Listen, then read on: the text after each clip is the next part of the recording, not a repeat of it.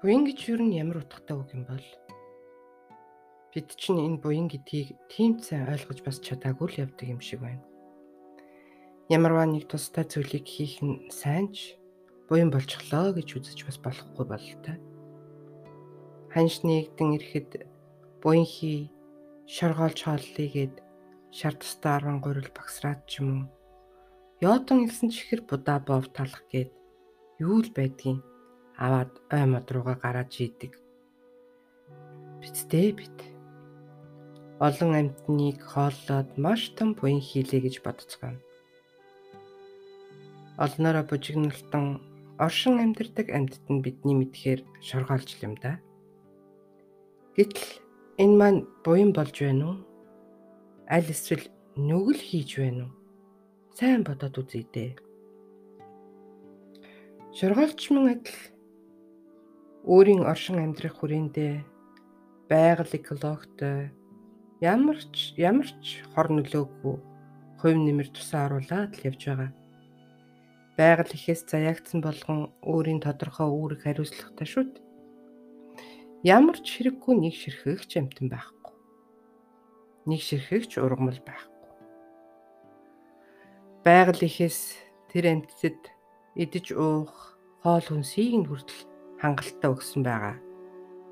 Тэр битгий хэл шоргоолж гэдэг амтан чинь нэгэн төрлийн навчны бөөсүүдийг өөрийн хэрэгцээнд тууж авчраад л цуглуулад түүнийгээ илж таалал тэднээсээ ялгарах сүүгийг хүртээд л суудаг юм бэ.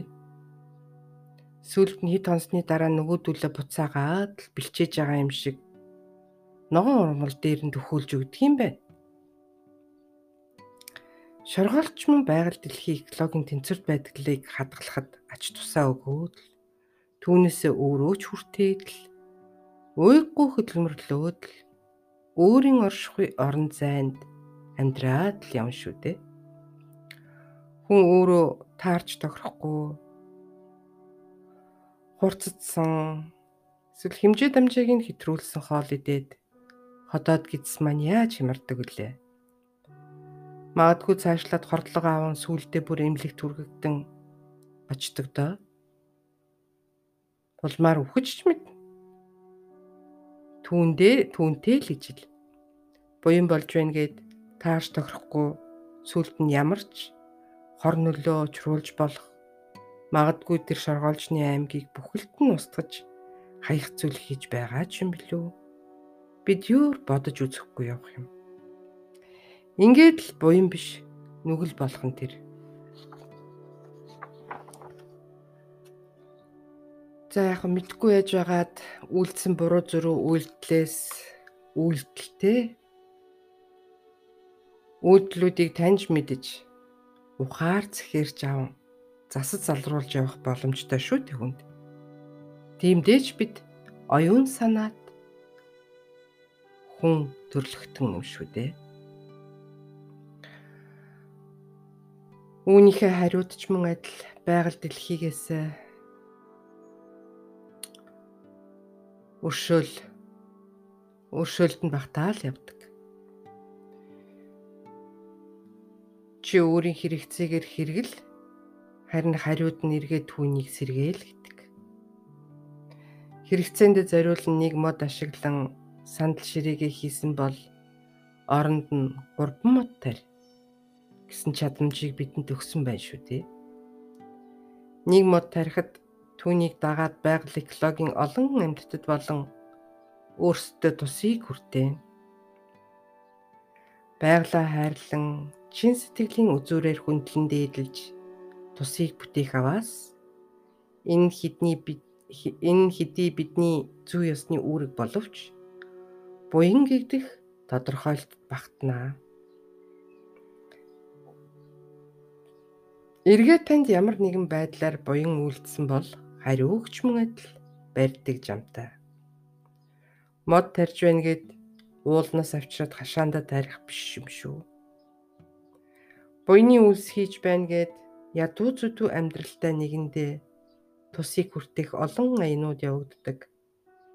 Түүнийгээ сурталчлан телевиз, радиогаар ярилцсан баахан сурвалжлагч нарыг цуглуулan бөө юм болцгоодог.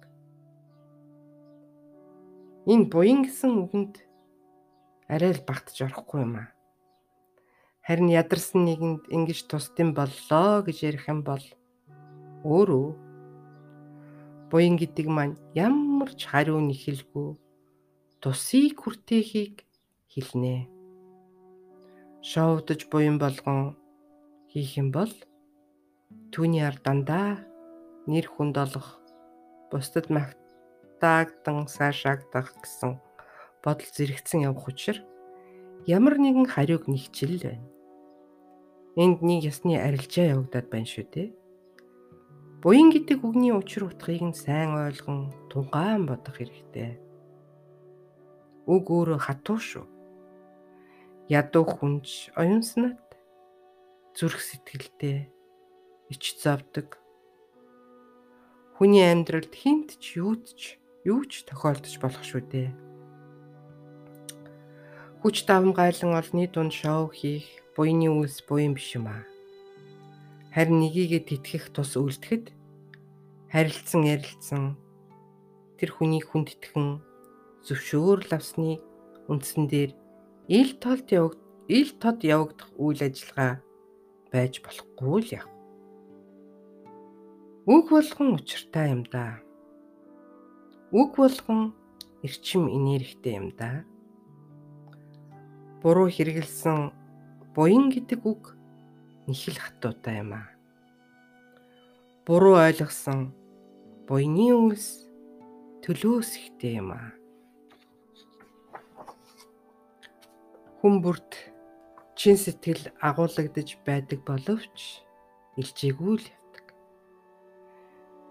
Чин сэтгэл бол зөв зам мөртөө зүвийг баримтлан өөрийгөө хөгжүүлэн сэрж сэхээрэн ухаан явах замурт дотроос задран тэлэгдэн гарч ирдэг. Чин сэтгэлийг бид өөрсдийн шунал, дээрэнгүүд зан, эгогоороо дарчихсан явдаг юм. Энэ бүгдийн утга учирыг таньсан тэр л цагт чин сэтгэл илжнэ.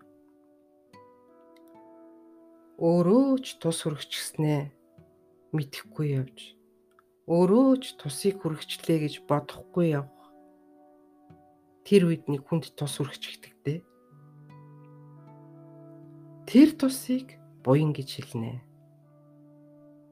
Таны талгаанд тус хүрэгчлээ ч гэж бодогдохгүй тус хүргэснийхаа хариугч нэхэхгүй тийм үйлдэл гаргаж явах тэр үед л буян болж явдаг юм байна. Хариу нэхэлгүй тусыг буян гэж нэрлэдэг. Ээ буйнаа дэлгээ. Ээ буйнаа дэлгээ гэл ингээл өгсчүүл нэг тэгэл яриад сууж идэг да.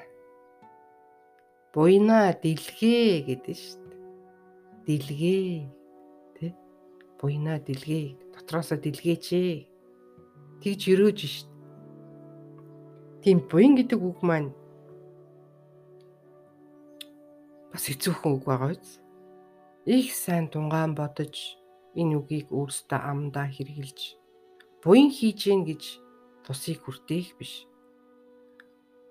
Харин тэр буян гэдэг маань бодоочгүй, санаачгүй нэхэлчгүй хүртэгдэж хин нэгэнд тусалж явах тэр үед л буян болж явдгийг энэ бурхад тэнгэрүүд тооцдөг юм биш. Тэгээд тэрнийх нь хариуг мөн адил илгээдэг. Тэгэхээр энэ үгийг их бодлоготой хэлэх хэрэгтэй байгаа биз. Тусыг хүртээх гэж ярил шал өөр.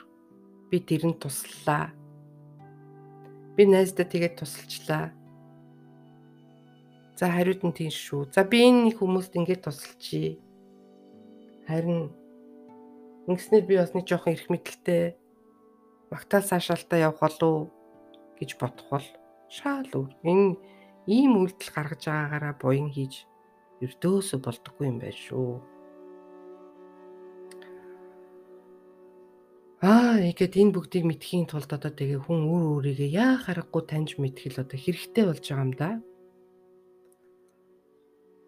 За жишээлбэл ойр дотныхан маань өөд болоод явхад биднийг буян хийдэг. Арын ажлыг нь гүйцэлдүүлэх нь нэг буян.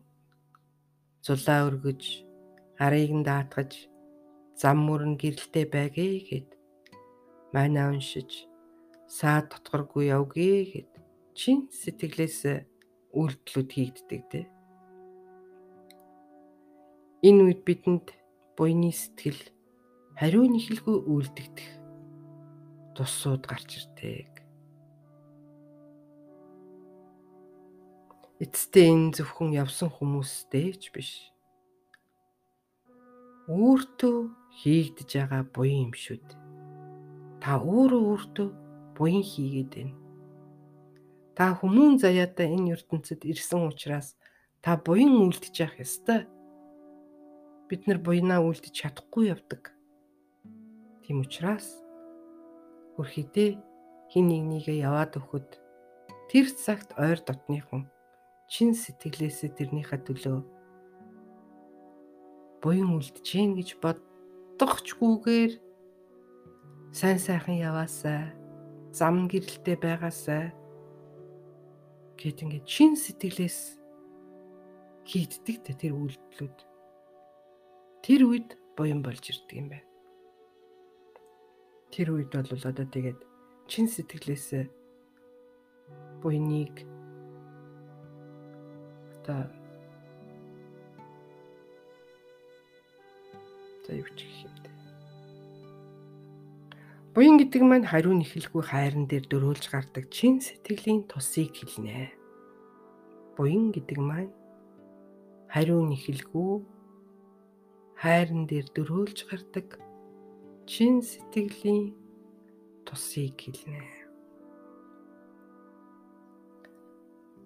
өгсөн хүмүүсийнхээ араас ямар ч нэхэл байх вэ бид нар те ихгүй шүү дээ. Тэгэхээр тийм чин сэтгэлийн тус элчин гардаг байх нь. Тиймдээ ч өөртөө олж мэдхийг хичээн хүмүүн заяаны утга учирыг танин ухаан явхад алив зүйлийн учир танигдан явдаг. Сонсож суугаад та бүхэндээ гэлалаа. Алив юмны утга учирыг нь ухаан таньж алдаа болгоно ухаарал болгон хүлээн авч хайр инрэл чин сэтгэлээ дотроос илжүүлэн явах нь буян билээ. Байгаль ихэ хайрлан дээдлэн мод зүлгээ тарин ургуулж явах нь буян билээ. Тиймээс ч мод тарьцгаая гэж уриалсан байгаа хүмүүн заяатнуудын маань үйлс дэлгэрч үр бүтээл нь ариун байж хүн бүр чин сэтгэлийн хайр ундран бодоо тарьж их дэлхийгээ баярлуулан эцэг тэнгэртэй өршөөгдөв. Онгод тэнгэр сахиус бурхтынхаа ивэл багтан амьдран орших болтугай.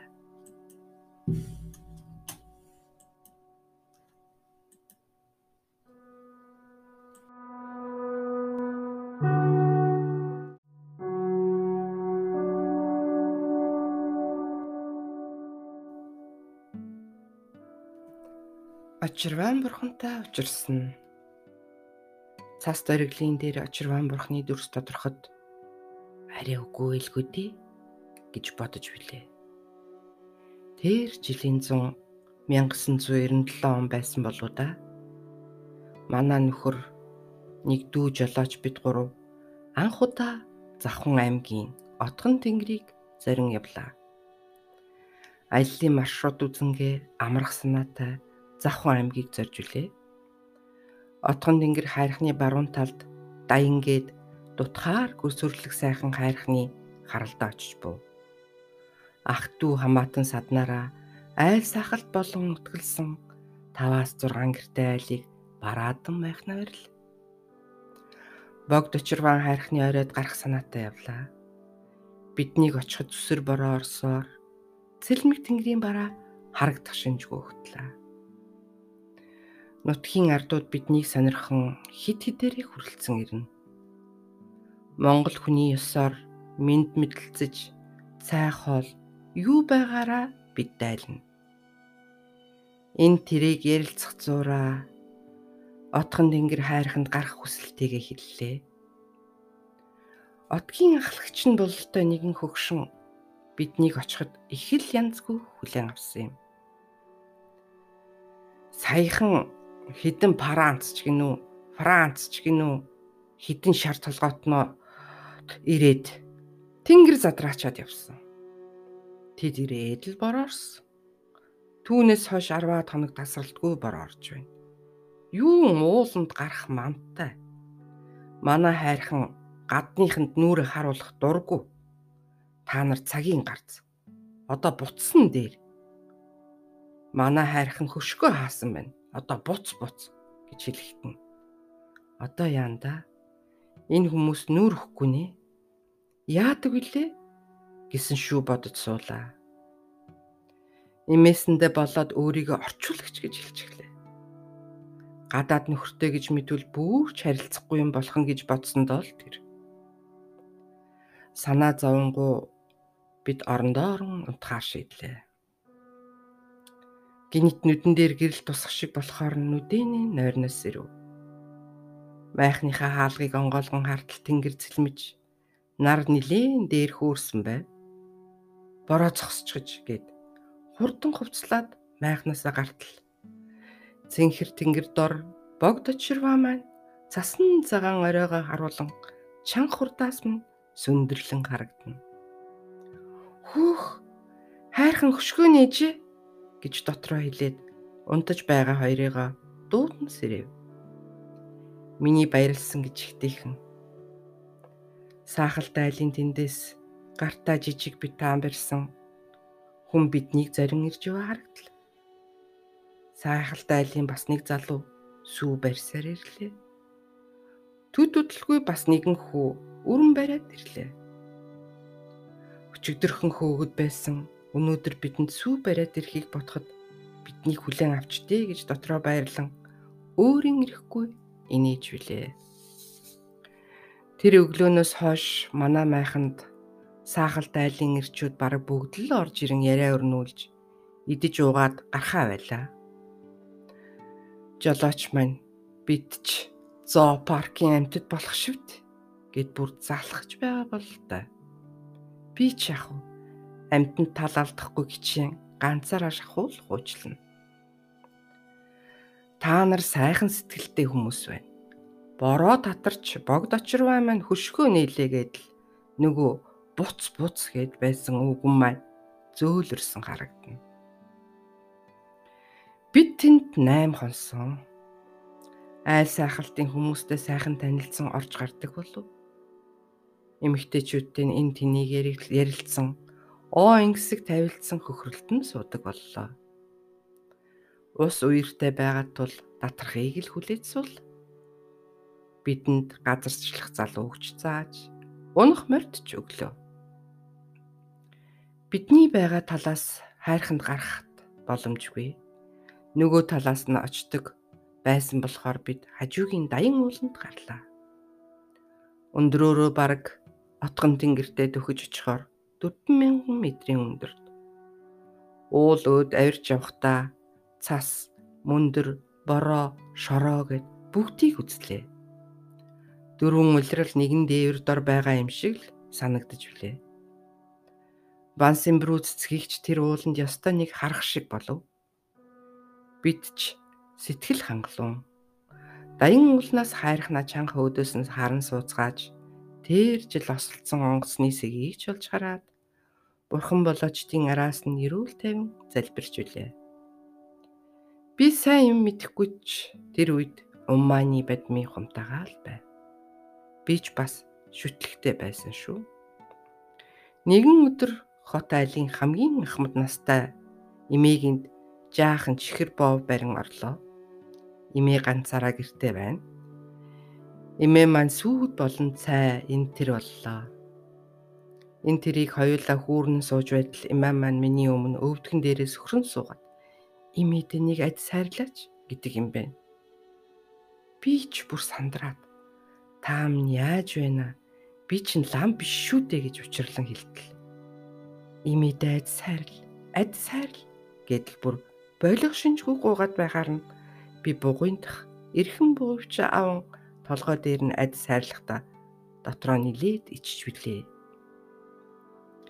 Эмээгийн нүдэнд тэр үед яаж харагдсныг бүү мэд. Уул усандаа ойр унган байгальтай өлгийдүүлэн байдаг болохоор эмээгийн бэлгийн мэлмид хожмын өдөр ар араасаа хөрөн гарах зам мөрмөнж харагдсан юм билүү хим мэдлээ дээ. Тэр үед эмээ яагаад тэнгүү гэж асуух сөхөөгүй өөрөө сандарч байсан болохоор юу бодож тэгснийг нь яаж мэдэх вүлээ.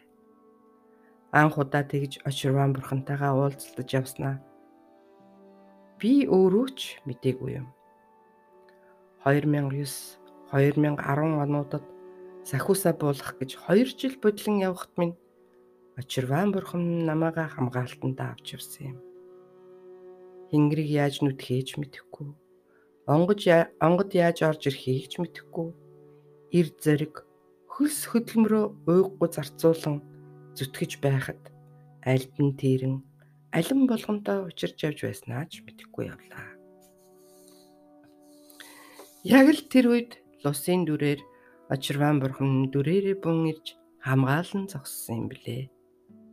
Гачууртын хашаан тасвэрлэг модон дээр нэг мангасын дүртэй юм байна. Юу юм болоо л гэж боддог байж билээ. Сүүлд онгодуудтай учрахад энэ улаач лус буулгажээ. Лус тэр болгон буудаггүй. Хэр баргийн хүнд буухгүй гэж багшин сахус хэлж билээ. Очирван бурхан байсан болохоор тэгж хилдэг байсан юм билээ л дээ. Тэр жил богд очирван хайрханд очиход л намайг дагаж эхэлжтэй гэдг нь ойлгогдсон. Ингиж би лус буулгаж лустай болсон юм. Төвдөн өвөө маань ухаан цаахан дээдс минь нэгэн удаа лус гээд байгаа чинь очирваа юм шүү дээ гэж хэлж үлээ. Тэр удаагийн болтыг дүүм нь тосч байсан юм. Миний үр энэ хайрхандаа 3 жил дараалан очих болжтэй гэж билээ. Ингиж би ариун сайхан лустайгаа олон жилийн нүүр үзлээ. Орон оронд магтаалтай он лусын эзэн минь олон олон яндартай ус болгийн эзэн минь аянга цахилгааныг ирхшээсэн газар усны эзэн минь таны минь үлми бат оршиж үеийн үед яруу алдарн бадарч байгээ. Ум базарваны умпад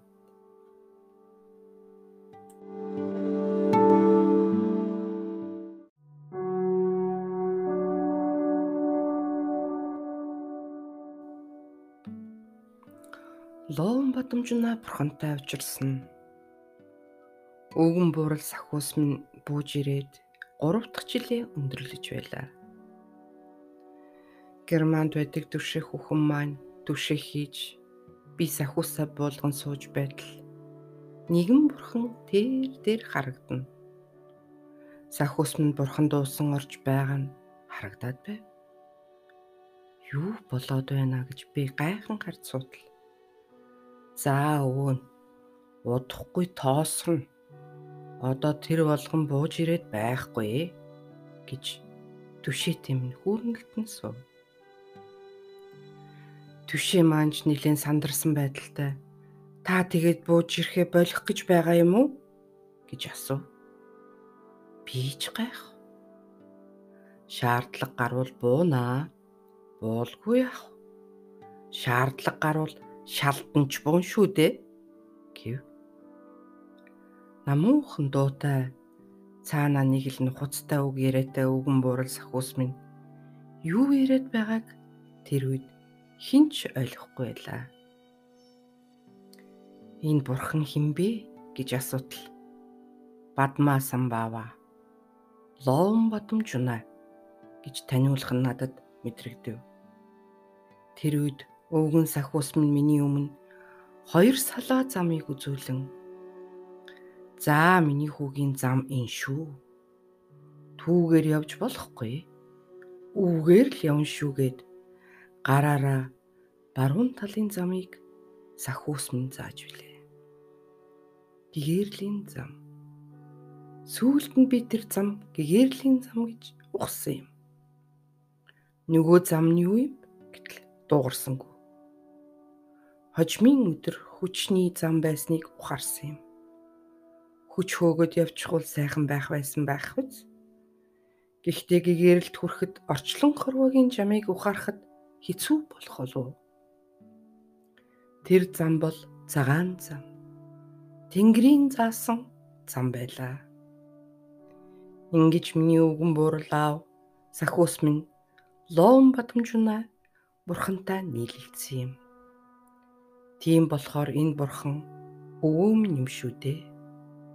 Тэндээс ирсэн буцаад очисон баг надад зам заах гэж үгэн сахиус ирсэн юм гэж надад ойлгогдсон юм.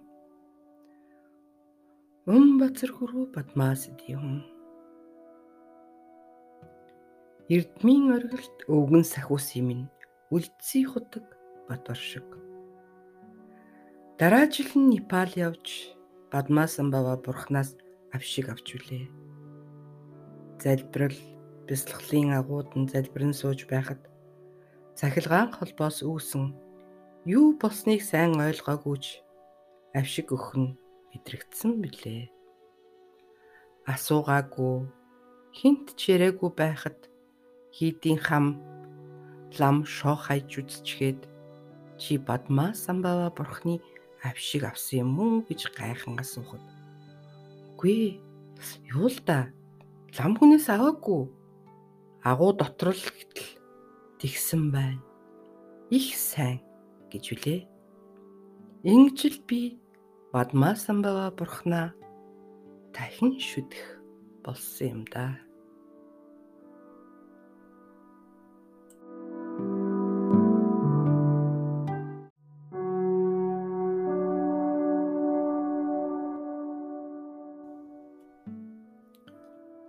Гургула бурхантай учирсан төв ах маань ухаангүй хэд хоног сэхэнд байлаа. Ороод очтол ах маань яг унтаж байгаа юм шиг л харагддаг байж билээ. Толгой дээр нь хідэн өдөр нэг ламын дүр төрхтэй бурхан суугаастай. Сони юм да.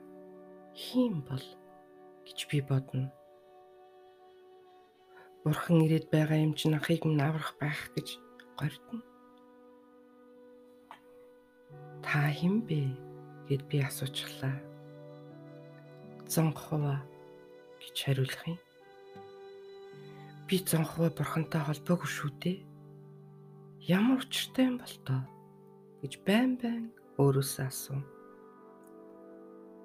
Гачурт дээрээ таглаа тайван залбирэн суулаа.